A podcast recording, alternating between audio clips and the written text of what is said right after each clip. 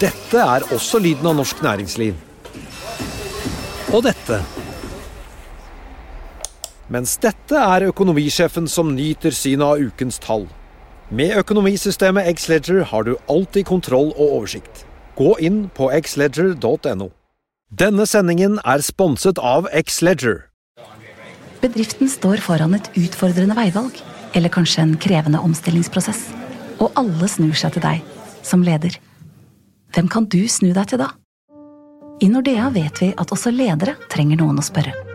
Og at de beste beslutningene tas på et grunnlag av kunnskap, erfaring og ekspertise.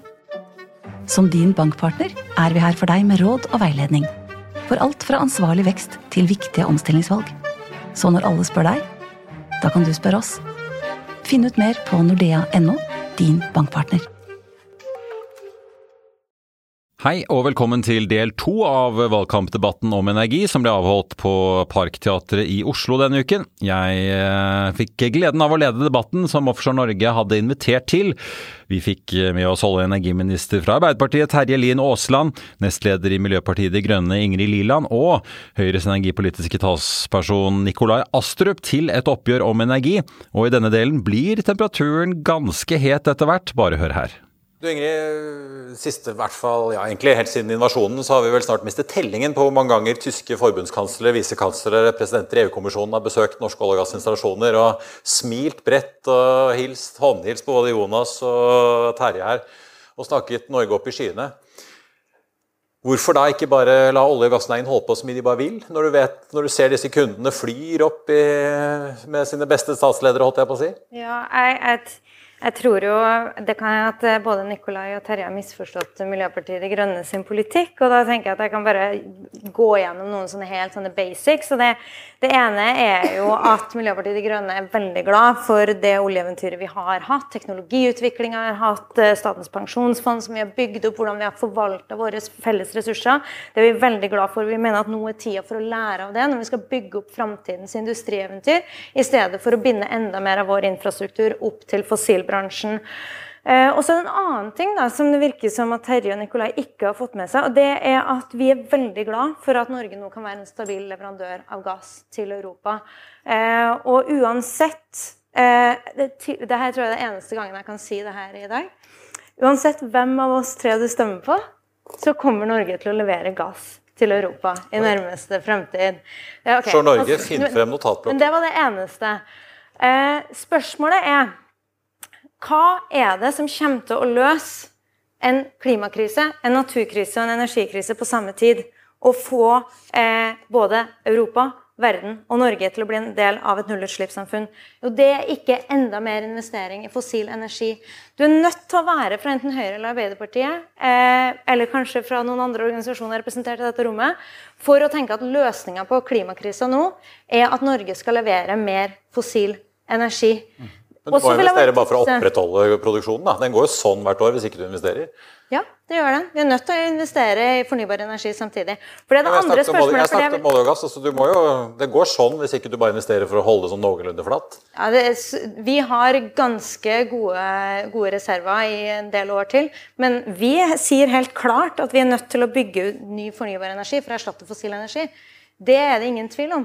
Og det er jo det andre spørsmålet. for at, eh, Nå vil jeg bare advare mot å ikke eh, være villig til å diskutere eh, olje- og gassindustrien i det hele tatt. Det er en sånn vedtatt sannhet blant alle som skulle være her i kveld, før jeg fikk invitert meg sjøl, eh, på at vi eh, er nødt til å drive med mer olje og gass uansett hva som skjer.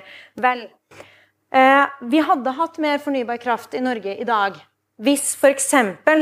Eh, flertallet på Stortinget hadde stemt for MDG sitt forslag i 2014 om en storsatsing på havvind.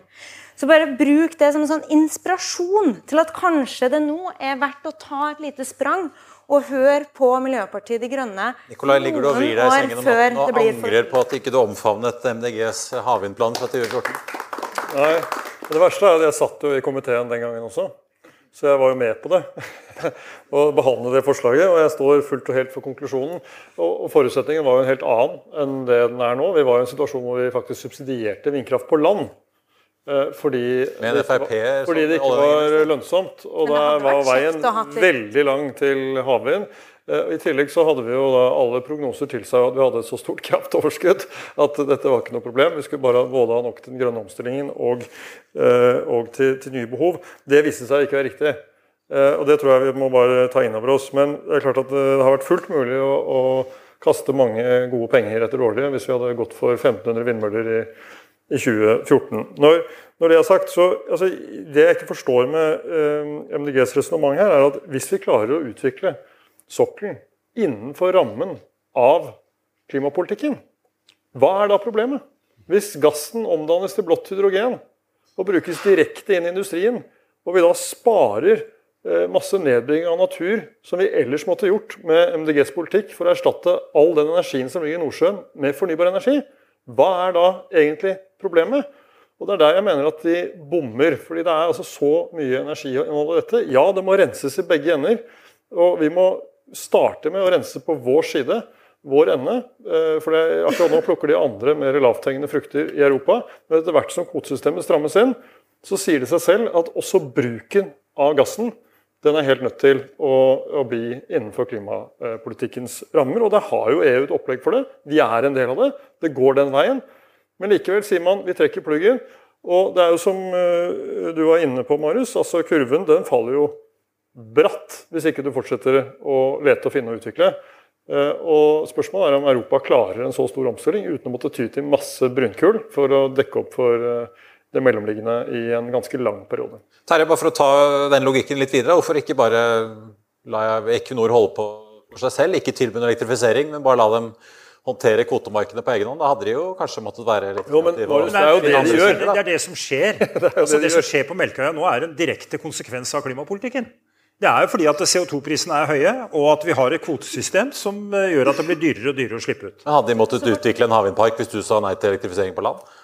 Om eh, de måtte utvikle en Hadde det blitt havvind utenfor Nei, da, hvis du hadde sagt nei til kabel fra Hvis vi setter vilkår som gjør at, at eh, resultatene blir helt marginale, så kan den, de bare forlater det prosjektet. Det vi gjør nå, det er å forlenge Melkøyas levetid. Det er LNG produsert med lave utslipp per produsert enhet. Eller, og, og kan være er en viktig ingrediens i forhold til Europas energisikkerhet. Når Melkøya starta opp igjen i fjor, så har vi skrytt av at vi har øka eh, gasseksporten fra norsk sokkel med 8% i en krisetid for Europa, energikrisetid for Europa. Fire av de prosentene står Melkøya for. Det forteller hvor viktig det er. Når vi kan forlenge den levetida, ikke bare kanskje fram til 2040, men 2050, ja, så er det en stor forskjell i den energisikkerheten eh, som, eh, som eh, vi alle trenger for å videreutvikle dette. Og så har vi klimapolitikk. Vi har en bestemt retning på at CO2-prisinga skal bli 2000 kroner tonn i 2030. Vi har et kvotemarked som strammer inn hvert år. Og vi ser utslag både olje- og gassindustrien, men også fastlandsindustrien orienterer seg på det. Yara er jo et godt eksempel på at den vil fase ut naturgass og bruke elektrisk kraft isteden. Egentlig helt identisk med Melkøya. Yara i Porsgrunn vil nå slutte å bruke naturgass som innsatsfaktor for å produsere eh, ammoniakk. Og bruke elektrisitet isteden. Og da trenger Herøya mye nett. Da trenger Herøya mye nett, og de trenger mye strøm. Ingen diskusjon, alle heier på det der. Men når vi går til olje- og gassinstallasjonene og Melkøya, som er en fantastisk industriarbeidsplass i Finnmark, ja, så kommer motstanden. Og da må vi bygge rammer rundt det som gjør at de kan gjennomføre de, eh, de tiltaka som da er eh, Som kommer fram som en følge av den klimapolitikken som faktisk føres. Eh, Jonas Gahr Støre hadde jo den famøse ikke-stusslige armen sin som han reiste opp på partilederdebatten eh, her om dagen, fordi han tror vi når disse 20-30 månedene. Men når jeg snakker med folk i eh, energinæringen så, og ser på hva som skjer, så er det jo ganske åpenbart at vindindustrien har ganske store problemer. De sliter med kostnader som går feil vei. Leverandørene går med store tap. Equinor, Vattenfall og mange andre selskaper prøver å vri seg unna kontrakter de har inngått i USA, fordi de kommer ikke til å tjene penger på det. Det har dere tre et ganske stort problem nå, rett og slett fordi at den kraften dere alle ønsker, særlig da fra vindmøller, enten på land eller til havs, den bygges rett og slett ikke ut i nærheten av det tempoet som dere trenger. Men vindkraft på land kan vi lykkes med. eh, Og havvind kommer vi til å lykkes med. Men er- blir du nervøs når du ser hva som utspiller seg? Det er klart det er, det, er, er kostnadsøkninger nå som er urovekkende, selvfølgelig. Men vi har valgt altså å være veldig tydelige på at eh, de prosjektene og den, den, eh, den tempoet i utlysninga som vi har bestemt oss for eh, på havvind, det skal vi gjennomføre. Vi trenger det, fordi at eh, havvind har den fantastiske ingrediensen av tre enkle fordeler med seg. Det er det ene at vi får mer fornybar energi. Vi får en større mulighet til å kutte klimagassutslippene. Og det tredje, og kanskje det aller viktigste i denne sammenhengen, det er at vi klarer å utvikle en helt ny industriell eh, arena for leverandørindustrien vår. Og Der ser vi veldig tydelig at veldig mange bedrifter og kompetansemiljøer de har fordelen av å ha vært i olje og gass og fortsatt være i olje og gass, samtidig som de satser på fornybar energi. Able er et veldig godt eksempel på det. og Det er mange sånne typer bedrifter som gjør at nå har de egentlig en, en trampoline å hoppe fra inn i, i fornybarnæringa. Og jeg tror, eh, spesielt på flytende havvind, at når vi får eh, kommet ordentlig i gang med det, får opp, eh, får opp skaleringa, så kommer kostnadene til å gå ned. Jeg tror vi sitter på mye erfaring, mye kompetanse som gjør det. Men alle land og all industri må, må, innrette seg også på at eh, vi skal gjennomføre betydelige investeringer i fornybar energi. Det handler om turbiner, det handler om ledninger, det handler om andre innsatsfaktorer som en må oppskalere industriproduksjonen på for å lykkes med, med dette. For alle vil bygge ut mer fornybar energi nå. Av dere som er aller mest glad i havvind pga. mindre grep på land, naturinngrep på land. Blir du litt nervøs når du ser ikke bare at Equinor skrinlegger Trollvind utenfor Bergen, men rene fornybarselskaper skyver, utsetter, kansellerer store prosjekter og sier at sorry, det, det regner seg ikke? Jeg er bekymret, veldig bekymra for at uh, heller ikke denne regjeringa har en ordentlig plan for hvordan vi skal uh, gå fra fossilavhengighet til en nullutslippsøkonomi. Eh, og at det som får handlekraften til å sprute i regjeringa, er at eh, Equinor, Norges rikeste selskap, trenger strøm fra Finnmark. Men når selv, Jeg snakker om altså selv fornybarselskapene. Nå snakker jeg ikke bare om hva regjeringen gjør i oljeselskapene, men altså de rene fornybarselskapene sliter tungt. Jeg er bekymra. Og det store bildet det er at mens USA, mens EU eh, jobber for å omstille seg over til en nullutslippssamfunn, eh, og bruke faktisk politikk til å investere i fornybar energi, til å investere i grønn industri, til å bruke finanspolitikk og avgiftspolitikk og hele verktøykassa for å få grønne arbeidsplasser i sine land og sine regioner, så gjør den norske regjeringa fortsatt det motsatte. Vi Men det er jo ikke sånn at det bygges ut masse utenfor Norge heller om dagen, ser det ut som? Utenfor Norge, nei. nei? Nei, det burde det gjort. Det burde vært, eh, burde vært mye mer eh, havvindprosjekter i pipeline hos regjeringa. Nikolai, jeg er veldig kort. Ja, fordi Det er feil det som nå blir sagt. Altså, det er klart, Kostnadene ved å slippe ut CO2 koster mer og mer også i Norge. CO2-prisen, avgiftene, øker for hvert år som går. Vi har vært veldig målrettet på det. Men vi bruker de virkemidlene vi har tilgjengelig. Altså CO2-avgiften går opp, kvotesystemet blir strammere, og vi bidrar med betydelige penger. MDG var jo med og, og støtta oss i, i vindkraftutbygginga med 23 milliarder kroner for den vindkraftutbygginga som er nå. Det er kjempebra, det er jeg veldig glad for. De stilte også enda strengere naturkrav. Eh, glad for det. Men altså, vi, vi gjennomfører tiltak for oss å kutte klimagassutslipp og sørge for at det blir dyrere og dyrere å slippe ut i framtida. Hey, I'm Ryan Reynolds. Recently, I asked Mint Mobile's legal team if big wireless companies are allowed to raise prices due to inflation. They said yes. And then when I asked if raising prices technically violates those onerous two-year contracts, they said, "What the f*** are you talking about? You insane Hollywood ass." So to recap, we're cutting the price of Mint Unlimited from $30 a month to just $15 a month. Give it a try at mintmobile.com slash switch. $45 up front for three months plus taxes and fees. Promo for new customers for limited time. Unlimited more than 40 gigabytes per month. Slows. Full terms at mintmobile.com. Dette er også lyden av norsk næringsliv. Og dette. Mens dette er økonomisjefen som nyter synet av ukens tall. Med økonomisystemet Xledger har du alltid kontroll og oversikt. Gå inn på xledger.no. Men altså, holder vi oss selv litt for narr? Eh, Nikolai, jeg snakket med et stort selskap som skal søke i en av disse lisensrundene for havvind som eh, Aasland nå har utsatt noen uker. Eh, de sa over en øl i Arendal til meg at det blir ikke en vindmølle i havet i Norge før 2030. Når de begynner å se på alle forsinkelser, ikke bare hva som tar tid med myndighetene, men hva som skjer i industrien deres selv hos leverandører. Jo, altså det, er dette bare en fasade som når vi kommer til 2028-2029, så skjønner vi at vi, var, vi, kommer ikke til å være i nærheten? Ja, men det, det, det blir jo en vindmølle i havet. Det, det, er jo faktisk verdens største flytende havvindpark ligger jo i Norge. takket være den forrige regjeringen, Hywind Tampen. Men den, den er, To milliarder dyrere enn planlagt, da. ja, men den er likevel lønnsom. Det er interessant. Den er likevel lønnsom. Og hvorfor er den det? Etter alle Jo, fordi at det er altså så ineffektivt å produsere strøm fra eh, turbiner på plattformer at eh, du kan eh, ha ganske høy pris på, på havvind som er tilknyttet direkte petroleumsinstallasjoner, og likevel ha det lønnsomt fordi du har frie gass som da kan brennes mer effektivt et annet sted, til en lavere pris. eh, Og du da egentlig betaler mindre for, for strømmen enn det du ellers ville gjort. Så det, og jeg tror vi må gjøre mye mer av det, fordi det er en helt reell bekymring at kostnadene blir høye. Og det er helt riktig at Sørlige Nordsjø 2, sånn som det er lagt opp fra regjeringens side, det sier Terje at han har ambisjoner om at det skal være ferdig i 2030. men Det er fire års byggetid. Det skal utlyses på nyåret.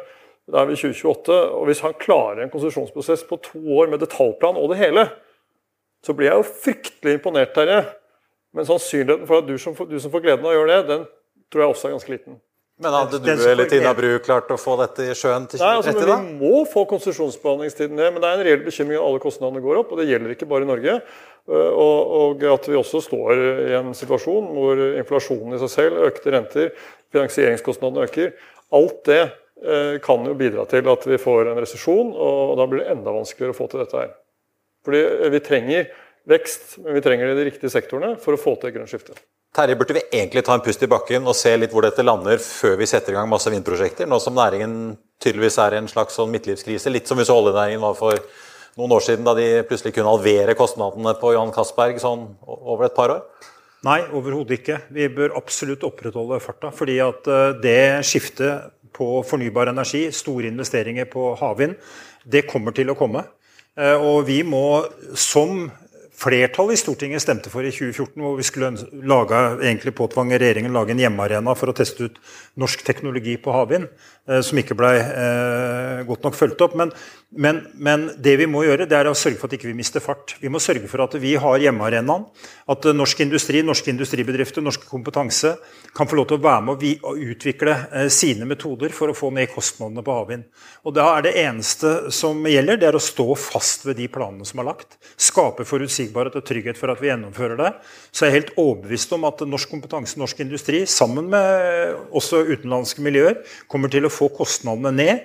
Og vi får en glimrende arena å konkurrere på globalt etter hvert. Og bare ta med Sintef har gjort beregninger at eh, havvind i Norge, 30 000 megawatt, investeringer på rundt eh, 1000 milliarder kroner. Skal du ha med infrastrukturen, så kan du gange med to. Går vi til det europeiske markedet, så kan vi gange med, to, gange med ti. Sånn at vi snakker om eh, i produksjonsutstyr eh, 10 000 milliarder kroner, 20 000 milliarder hvis vi tar med, eh, tar med infrastrukturen. Det globale markedet er jo enormt. Og det er der vi håper at eh, norske miljøer kan ha en betydelig andel. eh, Nettopp fordi at det er den mereffekten av å satse på havvind som er så glimrende, og som gir nye muligheter for, for industrien vår, for trygghet for arbeid og for videreutvikling på nye områder også etter hvert. Nikolai, du vil ha kommentar på det? Vil du slakke av gassen litt for å se hvor eh, støvet lander før man setter i gang med masse havvindprosjekter her? Jeg tror jo at eh, en utfordring nå er at eh, Sørlige Nordsjø 2 blir for smått, det, og det blir for dyrt, og det kommer for sent. Og Det må regjeringen ta ansvar for. Vi kunne ha valgt en annen utbyggingsløsning. To til tre ganger så mye kraftproduksjon uten en eneste krone subsidier. Det hadde vært en mye bedre modell, men det forutsetter hybridkabler. Det ønsker ikke regjeringen, eller jeg tror Terje ønsker det. Han skrev masse merknader om det da han satt i energi- og miljøkomiteen i hvert fall, i sin tid. Så han ønsker nok det, men eh, der er det Senterpartiets misforståtte kraftnasjonalisme som slår inn. Eh, Og det er veldig synd, fordi dette skulle være det billige prosjektet. Og når du starter med det første store prosjektet med å gå fra forventet støttebehov på 9 milliarder til 23 milliarder i løpet av et par uker fordi Stortinget stiller noen spørsmål, så er ikke det noen god start. Og når da aktørene sier at ja, vi vet jo ikke helt om dette er godt nok, det heller, så, så tror jeg vi har en stor, stor utfordring. Jeg vet ikke om du følte at du hadde noe penger igjen i lommeboken når du forlot Arendal, Terje, men Nei, men er det noe vi må satse på? det er mange som har støtte og tiltak og Er det noe vi må eh, satse og stå uh, tydelig på, så er det havvindsatsinga. Fordi det er en stor industriell mulighet der som uh, kan sørge for at vår leverandørindustri, som er så viktig, kan uh, skal vi si, videreutvikle og kanskje forsterke sin posisjon ut ifra hva de har fra olje og gass i dag. Så er det ikke sånn. Det er ikke riktig at jeg har skrevet masse merknader om hybridkabler i Stortinget. Arbeiderpartiet har det i hvert fall. Tvert om. Når vi nå bygger det første eh, prosjektet med, med radial, så er det for det første vi trenger den krafta i det norske kraftsystemet. Og så trenger vi nå å ikke overføre regninga, som Høyre vil, til norske strømkunder. For det er jo det som i realiteten skjer gjennom flaskehals... Var det skattebetalerne som, tar det stedet? skjer. Det, er ikke Det det som skjer samtidig Terje, la meg fullføre. Kan jeg, nei, jeg har la meg fullføre. Nå må du høre på meg først. Jeg, jeg bare lurer på, det er skattebetalerne som tar den hvis det ikke er strømkundene? Fordi at eh, jeg tror det er bedre å ta det over, eh, over statsbudsjettet i direktestøtte, sånn som vi gjør nå, enn å si at de flaskehalsinntektene som vi skal bygge ut eh, nå i første fase, der skal inntektene komme fra norske strømkunder. Det tror jeg det har vært med på å skape en opposisjon mot havvind. Det trenger vi ikke. Vi trenger eh, at eh, folk er med også på den satsinga. Dessuten så ville Høyre i Stortinget før sommeren, når vi fikk støtte fra MDG, sende saken tilbake igjen til Stortinget. Da hadde den saken om havvind vært utsatt med to-tre år. Så det er jo en katastrofe hvis Nå må du Høyre slippe til Astrup her, for det er likevel han eh, kommer Det, men det at dere jobber så sakte at dere hadde brukt to-tre år på å komme tilbake med en ny sak, det får jo dere ta ansvar for. Eh, Men, for det er ikke der utfordringen ligger. Men dette, dette med skattebetalerne. Altså, det hybridkabler gjør, er at du får en inntekt, og oppstår en inntekt fordi det er en forskjell på prisen i de ulike prisområdene.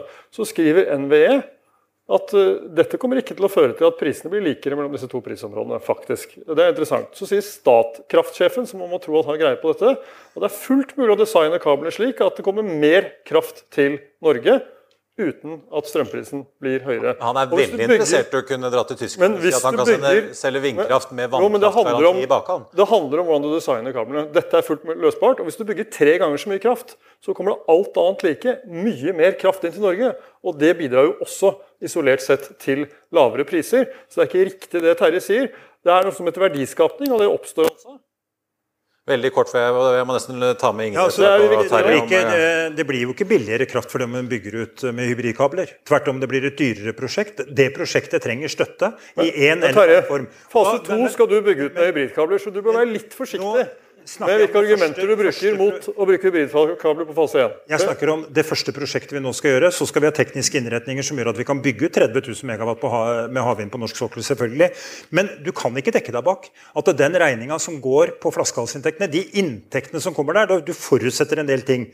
Det ene er at de flaskehalsinntektene skal gå til å subsidiere prosjektet.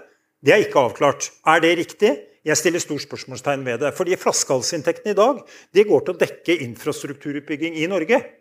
Ja, det men- er en fordel for norske strømkunder. forskjellen er jo at du har jo ikke noen flaskehalsinntekter. Du trenger akkurat de samme subsidiene. Jeg har 90-100 milliarder, og du har null. Men nå vil jeg faktisk høre hva Ingrid Lilland i midten her har å si om nettopp uh, disse hybridkablene, så vær så god, Ingrid. Ja, uh, nei, jeg- Havvind vil du ha. Havvind. Men hvem skal ja, ta regningen? Vi, må nok også ha hybridkabler. Ehm, uh, det, er litt, det er litt festlig at vi, at vi har den subsidiediskusjonen. Eh, og at det liksom er eh, OK. For å få fortgang i omstillingen Nå var jeg forrige uke på et eh, arrangement sammen med, med Startup-scenen i Oslo. Uh, og det var litt interessant. og nå er det ikke sånn at den startup-scenen i Oslo akkurat nå driver og bygger masse havvindmøller i, i Nordsjøen, men det kan jo hende en gang i framtida. Men det uh, Vi kommer ikke noen vei med om fornybarsatsing, med eller uten subsidier. Fordi både fornybarbransjen eh, og ganske mange andre deler av nære, eh, nær, eh, næringslivet i Norge mangler tre veldig viktige ting. Vi mangler eh, arbeidskraft, strøm og kapital. Og Det er spesielt denne arbeidskraftproblematikken. Nå har vi jo snakka litt om at vi driver og får knappe ressurser. Strøm blir en knapphetsgode, areal blir en knapphetsgode. Med mindre vi aksepterer at alle disse er knapphetsgoder, så kommer vi ingen vei. Det blir ikke noe havvindeventyr eh, hvis vi ikke får prioritert de ressursene. Akkurat nå så er mye av vår mest kompetente arbeidskraft bøtte opp i olje- og gassprosjekter. Det blir ikke forandra bare fordi at vi kan gi masse milliarder i subsidier til havvindeventyr eller andre fornybare eventyr. Vi har masse andre flaskehalser som vi ikke får løst. Så med mindre vi får prioritert om og Det hadde jo for så vidt vært et ganske sånn forutsigbart signal til hele norsk næringsliv. Hvis vi sa hadde ikke trengt å øh, trekke ut pluggen i morgen, vi hadde ikke trengt å stenge noen ting. Men hvis vi hadde sagt eh, neste regjeringa bør si at framover så skal vi faktisk ha færre ansatte i olje- og gassindustrien. De skal jobbe med andre ting. De skal jobbe med fornybar energi. De skal jobbe med resten av vårt mangfoldige næringsliv. Jeg kan også nevne at startup-scenen i Oslo blomstra først rett etter oljeprisfallet i 2014. Eh, det er enormt med bransjer som trenger den arbeidskrafta som nå bøtter fast i olje- og gassindustrien. Dere har lovet at vi skal runde av for Offshore Norge på under en time. Så jeg tror rett og slett eh, Vi kan be Anders Oppdal invitere ned. Komme med noen gode tips på fornybarprosjekter, for jeg vet han har veldig lyst til å finne dem. Han sliter litt om dagen med å gjøre det, tror jeg. Men Terje Aasland, oljeminister, Ingrid Gilland, nestleder i MDG, og Nikolai Astrup, eh, energipolitisk eh, talsperson i Høyre. Takk skal dere ha, og godt valg. Og der var vi ved slutten av andre og siste del av denne valgkampdebatten. Du finner flere intervjuer og sendinger ved å klikke deg inn på fino-tv, eller ved å søke oss opp der du hører på podkast, inkludert hos Apple og Spotify. Mitt navn er Marius Lorentzen, og vi er tilbake igjen med både Børsmorgen og Økonominyhetene til uken. I mellomtiden så ønsker jeg og alle vi her i Hegnar Media deg en riktig god helg, og husk at valgdagen er 11. september. Godt valg. Denne sendingen er sponset av X-Leger. ACAST powers the world's best podcasts. Here's a show that we recommend. This is Roundabout Season 2, and we're back to share more stories from the road and the memories made along the way. We're talking rest stops, if we're stopping to get gas. You will be timed. you will be for sure. Misguided plans. I grew up in the city, so I have like, you know, a healthy fear of real extreme darkness. this was like wilderness. A lot of laughs. Y'all weird, but you, yeah, you, you were different. Like you were real different, bro. I can't really put my finger on it. And so much more. Just goes to show that unexpected yeah. things sometimes are the best when it comes to a road trip. Roundabout Season 2, presented by Nissan, is live now with new episodes rolling out every Thursday. Listen and subscribe wherever you get your podcasts.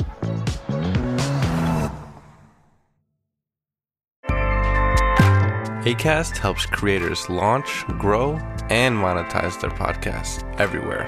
ACAST.com. Økonominyhetene er en podkast fra Finansavisen. Programledere er Marius Lorentzen, Stein Ove Haugen og Benedikte Storm Bamvik. Produsenter er Lars Brenden Skram og Bashar Johar. Og ansvarlig redaktør er Trygve Hegnar.